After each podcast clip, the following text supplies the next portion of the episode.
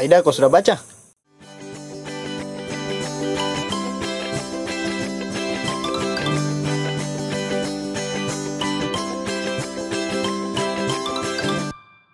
Ya, halo semuanya. Perkenalkan nama saya Erik Fatul. Eh, saya orang bau-bau sini, tapi orang tua saya asli Kaledupa dua-duanya. Jadi saya tinggal sekarang di Kuda Putih. Eh, Sewaktu-waktu mungkin kita bisa ketemu dan bercakap-cakap. Sekarang kesibukan saya adalah lagi belajar ilmu sejarah kembali. Dan di sini ada teman saya. Nama saya Faris. Sama, saya juga orang bau-bau, orang tua asli bau-bau, tinggal di Lamangga. Eh, sekarang kesibukannya di puskesmas sebagai tenaga farmasi. Eh, saya sama Erik sekarang ada di Gode-Gode atau di Taman Baca Kapoa. Ayo, apa yang kita bikin ini, Ida? Jadi eh, nama podcast kita ini Gode-Gode. Hmm. Apa itu Gode-Gode? Ya, jadi dia ini sebenarnya kayak semacam apa di set projectnya Kapoa lah istilahnya begitu. Jadi dia merupakan satu dari rangkaian kegiatan kami di Taman Baca ini. Tapi apa itu Kapoa Ida? Kapoa itu taman baca, taman baca yang ada di Lamangga Atas. Kalau dari namanya, sebenarnya Kapoa itu sebutan lama dari wilayah yang kita sebut tadi Lamangga Atas. Nama lamanya itu panggilannya dulu katanya itu Kapoa. Tapi karena panggilan itu sudah perlahan tidak digunakan lagi, jadi kita pakai nama itu untuk mengingatkan kembali, untuk menggunakan lagi identitas lamanya itu. Kurang lebih kayak begitu. Oh jadi di sini dulu namanya bukan Alatas dia. Misalnya dari saya kecil di sini kayak Lamangga a- Atas. Alatas, anak Lamangga Atas gitu. Iya bukan lah kalau bagian kalau mereka nenekku atau bapakku dulu sebutannya itu mau pergi di mana? Pergi di Kapoa. Berarti yang dia maksud itu di Lamangga Atas. Iya nah, masnya kemarin juga macekku udah tanya, mama aku udah tanya tuh, eh apa, di mana itu rumah Faris kah? Saya bilang ada di bawahnya Lawana Gundu-Gundu. hmm. Langsung dia bilang, oh di bagian Kapuas itu. Iyo. Mama kah Kapuan? Bilang, iyo du- dulu orang disebut-sebut di situ wilayah itu namanya Kapua. ah betul Saya kira dulu waktu kita bikin taman baca ini, waktu kalian kasih nama Kapua itu kan saya tidak tahu filosofinya apa. Ah, Saya kira apa begitu ya bahasa cari di bahasa kamus bahasa ulio apa ini ternyata nama tempat. ya kalau akronimnya sebenarnya ada di tagline nama Instagramnya tuh Kapoa itu kita akronimkan dari jadi kelas kelas produksi asa Asik. Jadi ya di Taman Baca ini harapannya yang kayak begitu, asa-asa yang lain yang akan hadir. Jadi kenapa ini? Kenapa kemudian kita bikin podcast? Iyo, kenapa kenapa podcast Aida? Kenapa kita bikin podcast? Biasanya kan kalau taman baca ya kita gelar gelar ini aja gelar Lapak apa? baca. Gelar lapak baca. Kayak tiap hari juga memang di sini dilakukan dan itu kegiatan uta- utamanya kita di sini. Tapi eh, kita juga ada web untuk menulis di timurmatahari.com. Mungkin teman-teman nanti bisa sekali-sekali berkunjung di situ. Tapi lalu kenapa kemudian kita bikin podcast ini Aida? Kan cara belajarnya orang sebenarnya kita mau menyesuaikan di situ. Walaupun lebih ke seru-seruan, tapi eh, beberapa orang kan cara belajarnya tidak hanya melalui membaca to. Ada juga mungkin orang-orang yang beberapa menit sebelum dia tidur dia mendengarkan sesuatu, ah itu lebih mudah masuk dibanding dengan dia duduk di hadapan buku selama berjam-jam. Jadi kita coba mengisi ruang-ruang itu. Orang-orang yang belajarnya melalui media audio atau para pendengar sekalian mungkin lebih suka datang di gode-gode melalui audio melalui media podcast. Nah, kami hadir untuk itu. Rio Ida. Dan kayaknya kalau menurut saya sendiri nah eh, podcast ini kalau bagiku itu se- sebagai sarana belajar sarana belajar juga karena saya jujur secara pribadi tidak terlalu pandai untuk apa di untuk bicara begitu. Kenapa kemudian media yang pertama saya buat adalah saya ajak teman-teman untuk menulis karena enak kalau merangkai kata lewat tulisan itu kita bisa lebih kita bisa edit-edit hapus-hapus yang kita tidak Betul, suka. betul, kita betul. pilih kata yang paling Betul. keren Nah, tapi kalau Tapi- podcast ya mungkin ada seninya yang lain juga Ah. begitu ya dan kayaknya patut kita coba juga ini patut kita, coba, kita patut belajar juga, juga. kita belajar. ah betul Tidak hanya kita bisa menulis, tapi bagaimana caranya kita bangun forum diskusi itu menyenangkan dan jangan dia terlalu kaku dia dia menyenangkan seperti kita edit edit tulisan Ya, seperti kita baca novel yang kita terbawa bagaimana kak kita sharing di Ah, ah, keseruan itu kita apa share the happiness outside the world begitu Ayo. asik bukan hanya lewat tulisan lagi gitu. Ya betul betul. Tapi pakai podcast. tapi ada kenapa kalau menurutmu nah? Kalau katakanlah kita bertanya kembali kenapa kemudian literatur atau atau buku karena isinya ini podcast bakal membahas tentang bacaan-bacaan kita. Ah betul betul. Baik itu apa namanya baik itu bacaan berupa novel ke mau buku ilmiah ke buku Hmm. fiksi non sejarah fiksi ke ya betul. Dan dan apa yang kita dapat di situ? Kalau menurutku apa ya pertanyaan yang mengemuka adalah kenapa kemudian itu penting untuk didiskusikan? Kan di bawah-bawah ini banyak juga orang diskusi ya ah betul. Banyaknya kampus tuh. Banyak pasti orang diskusinya. Tidak kalau saya sebenarnya dengan kondisi yang sekarang tuh banyaknya eh, media untuk mengakses sumber informasi Si- apa pun yang kau tanyakan bisa kau dapat lewat satu, satu sentuhan jari. Hanya di balik kemudahan itu kita kayak terombang ambing kita mau pilih informasi yang mana. Karena terlalu banyak ini. Makanya yang kita butuh paling pertama itu filter. Kita mau filter informasi ini dengan cara apa? Dengan baca buku filter itu ada.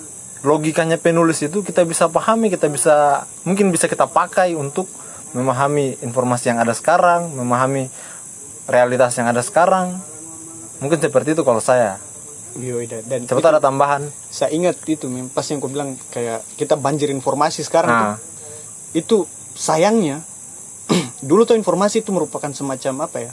Kekayaan informasi itu kekuatan untuk untuk bahkan itu bisa di dalam level negara itu bisa jadi senjata begitu. betul betul betul. Tapi bagi kita ini masyarakat sipil eh, informasi yang membanjir ini dan mendatangi kita secara sepotong-sepotong mendapati kita secara sepotong-sepotong itu apa ya itu bisa kadang membuat kita bingung hmm. bisa membuat kita bingung. Saya ingat kata-kata guru saya, dia bilang tentang itu ketika dulu di Unhas dia bicara tentang beliau bicara tentang ini tuh, tentang informasi yang begitu membludak tapi sepotong-sepotong dan pengetahuan kita akhirnya tidak utuh.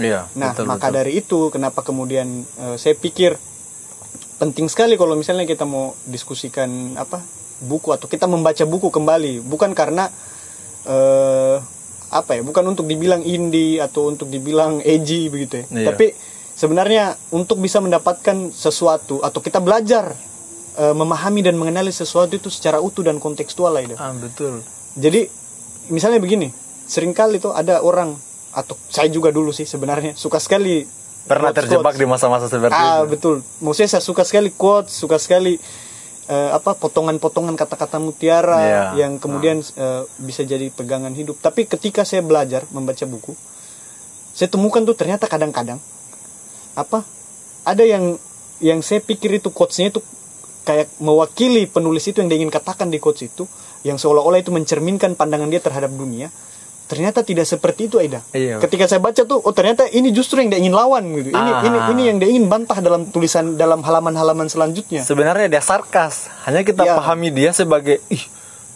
kerennya Ah. ih cocok dengan saya ini ih saya banget ini saya banget ini saya Iya. banget dan dan saya pikir Aida tuh dan saya pikir Aida apa namanya eh, mengenali sesuatu itu secara utuh dan kontekstualnya itu sebenarnya Iya. bukan cuma buku karena bisa juga akhirnya kita terbiasa untuk mengenali orang mengenali lingkungan kita atau keadaan yang apa namanya yang sedang mengha- mengenai kita begitu ya sedang menimpa kita itu secara lebih utuh dan kontekstual. Jadi setidaknya seperti yang dia bilang Pramudia mungkin yang semua orang juga sudah sudah suka kutipan itu kita bisa lebih adil dalam berpikir. Asik. Iya. kira-kira kayak begitulah kenapa kemudian eh, diskusi tentang literatur itu penting. Dan kenapa kita bawa ke media podcast ya harapannya eh, diskusi tadi itu tidak dianggap sesuatu yang is apakah ini anak-anak ini digore-gore diskusi terus? Kayak dia horor itu kayak dia tidak menyenangkan kayak dia terlalu kaku. Kita bawa di kerana podcast yang lebih mungkin menyentuh ke teman-teman semua supaya lebih enjoy lebih lebih dapat begitu ya apa pesan yang ingin kita sampaikan. Bukan hanya memaknai ih mereka ini udah duduk lagi di gode-gode ada lagi sesuatu yang dia bahas mungkin. Atau ada lagi apalagi kayak ini yang mereka bukan ini. Ya itu. Memang karena apa di pertama kalau membaca sendiri itu tuh aktivitas kalau menurutku membaca itu aktivitas yang hening. Aktivitas yang lekat dengan eh, apa namanya image bahwa dia aktivitas yang sunyi yang Hmm. kontemplatif. Tapi apa di sebenarnya tidak semenyeramkan itu loh ketika Iya. aku membaca memang itu itu momen tuh gimana aku butuh waktu sendiri tapi ada juga teman-teman kita yang justru dia bisa membaca tuh di tengah huru haranya orang iya itu saya bilang itu satu anugerah sebenarnya juga kalau saya jujur tipikal orang yang membaca itu butuh konsentrasi saya ingin sendiri di situ Betul, tapi betul. ketika setelah saya membaca ingin kak bagi-bagi begitu ya. Iya. ingin cerita weh ada tuh kayak habis apa di merasakan satu petualangan yang layak memang saya ceritakan ini Iya. layak memang Ah, ah. ada temanku yang tahu ini ya sama seperti kayak kita nonton film ah sama kayak kita nonton film, film. Tapi menurutku kalau membaca dia imajinasinya kita tuh kita membayangkan suasana yang ter- terbangun dalam buku itu. iya udah beda juga dan kalau kita nonton film Ya nih, betul. Karena kalau film tuh imajinasi kita sudah ini kayak begini nih Nah, gambarnya, kayak nah, begini ah, ah. prosesnya. Tapi kalau membaca seluas apa pun kita bisa menginterpretasikan itu dalam Iya. imajinasinya kita dan itu menyenangkan untuk dibagi.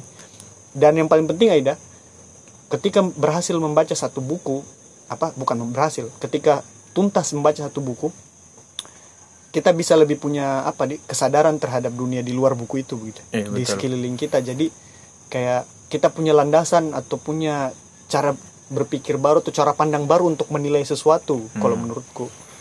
Seperti itu. Dan itu menyenangkan. Menyenangkan. Jadi bisa kau tahu eh, ada kejadian-kejadian di masa lalu yang mungkin sebenarnya kontekstual dengan masalah hari ini. Tapi di masa lalu ternyata sudah ada penyelesaiannya. Mungkin cara-cara itu bisa kita pakai di hari ini atau bisa kita apa ATM amati tiru modifikasi. Nah betul betul. Yang kayak begitu-begitu.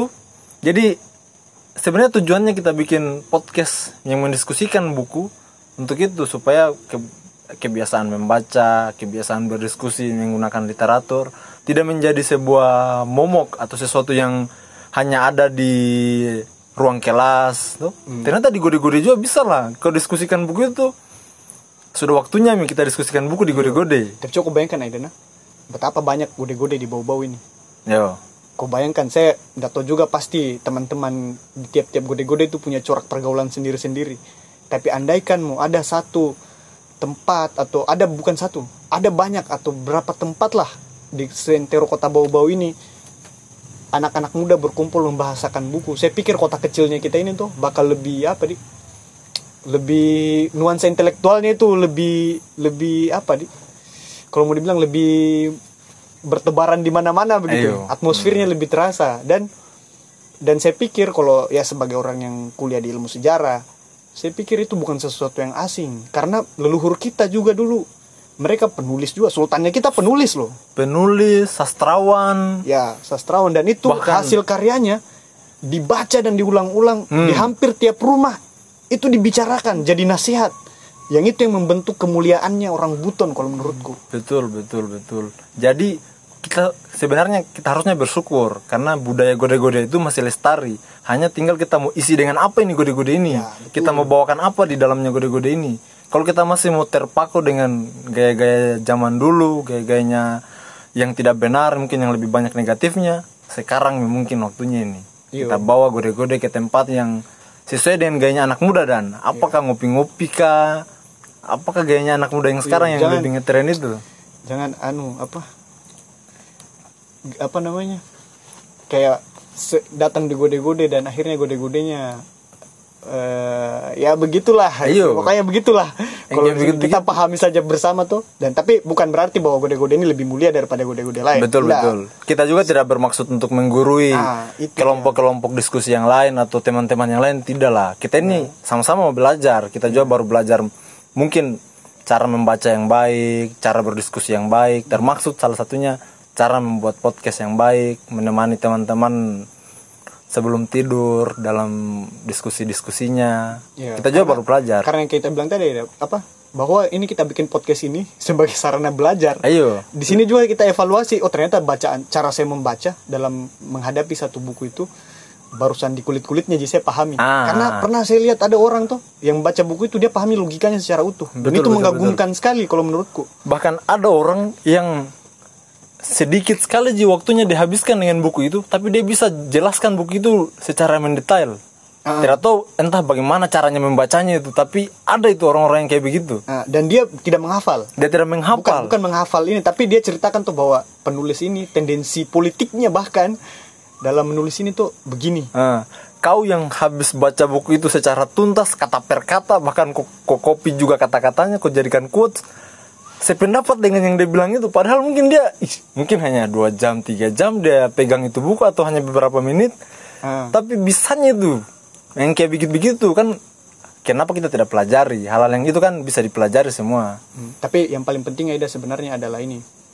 Bahwa bahwa pertama kita buat podcast ini tadi untuk seru-seruan. Dan ini Iya, bukan untuk seru-seruan. menggurui karena kita tidak juga tidak, belajar di tidak sini. sama sekali. Ya kita juga belajar di sini belajar ingin membaca yang lebih cara membaca yang lebih dalam yang lebih tajam terus kemudian bagaimana mengungkapkannya dan bagaimana kemudian melihat atau menempatkan isu yang ada dalam buku itu ke dalam mem- dalam membaca realitas di sekitar kita Iya, gitu betul, ya. betul. dan ini betul-betul bukan untuk menggurui kalaupun misalnya ke depan akan ada kesan di mana bahwa kami ini sok pintar atau apa saya teringat ada satu momen di waktu saya masih kuliah di Makassar itu mendapati orang tua di situ dia bilang tuh dan saya mengutip itu dia bilang begini saya minta maaf kalau misalnya kesombong saya terkesan sombong dan saya mohon dimaafkan dari ujung rambut saya sampai ke ujung kakiku saking bahwa kita tidak punya niat itu Betul, betul. tidak punya niat itu jadi ini betul-betul karena ini sarana berteman Iya, sarana menurutku. berteman.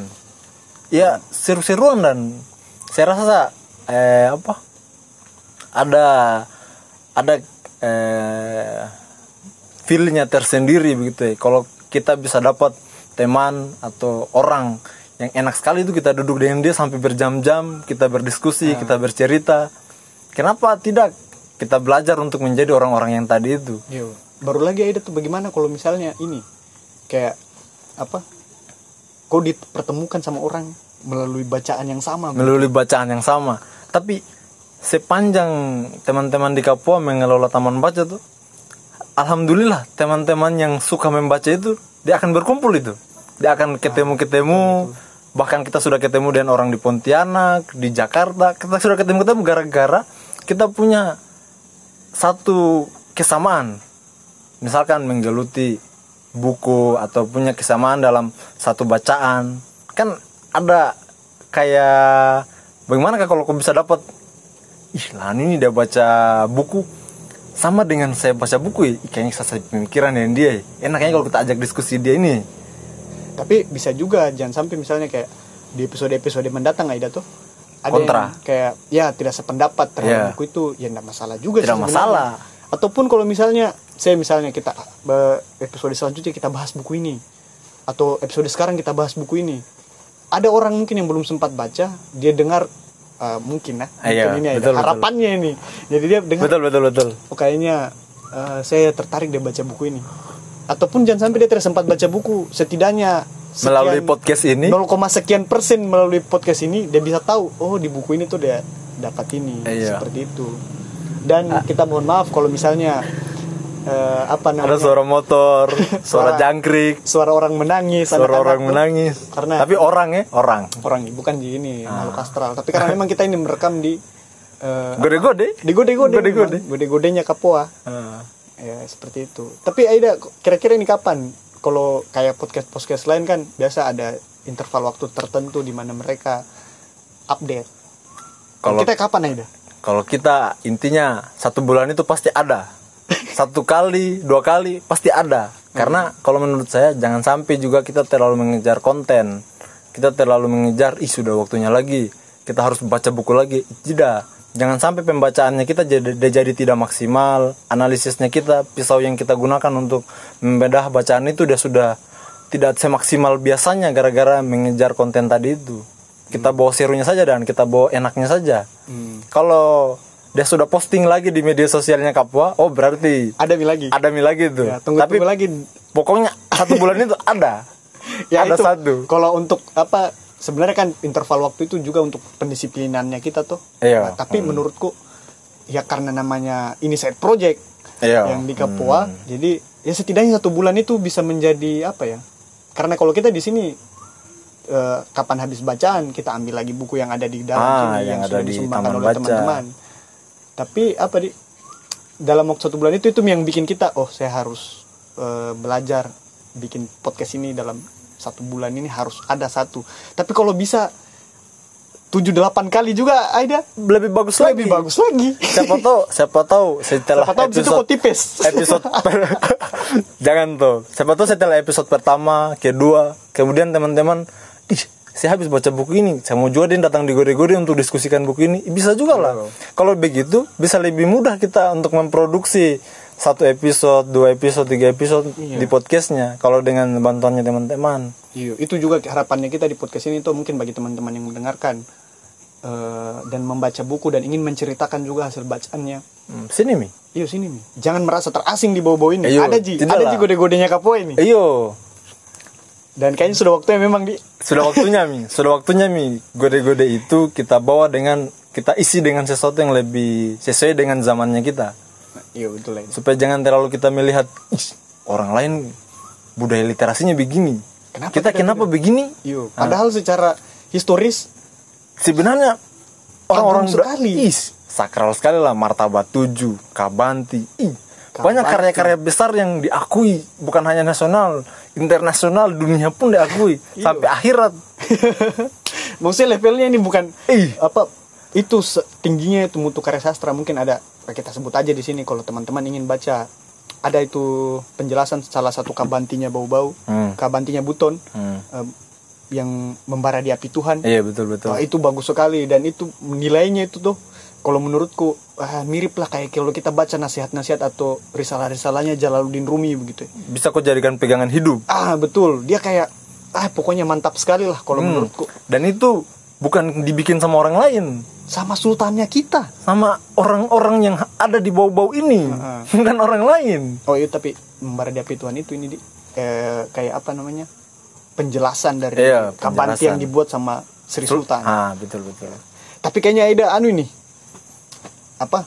Kayaknya lama mi kayaknya kita ngomongin untuk perkenalan. Kenal sekali mi kayaknya ini. Betul betul. Mungkin untuk perkenalan cukup midi Yo, sudah dulu kayaknya kita Sudah dulu. bubar mi dulu. Karena sudah berkenal waktunya bubar. Ayo nanti lagi kita ketemu di gode-gode. Ayo paling aja. Balik dulu sih oke oke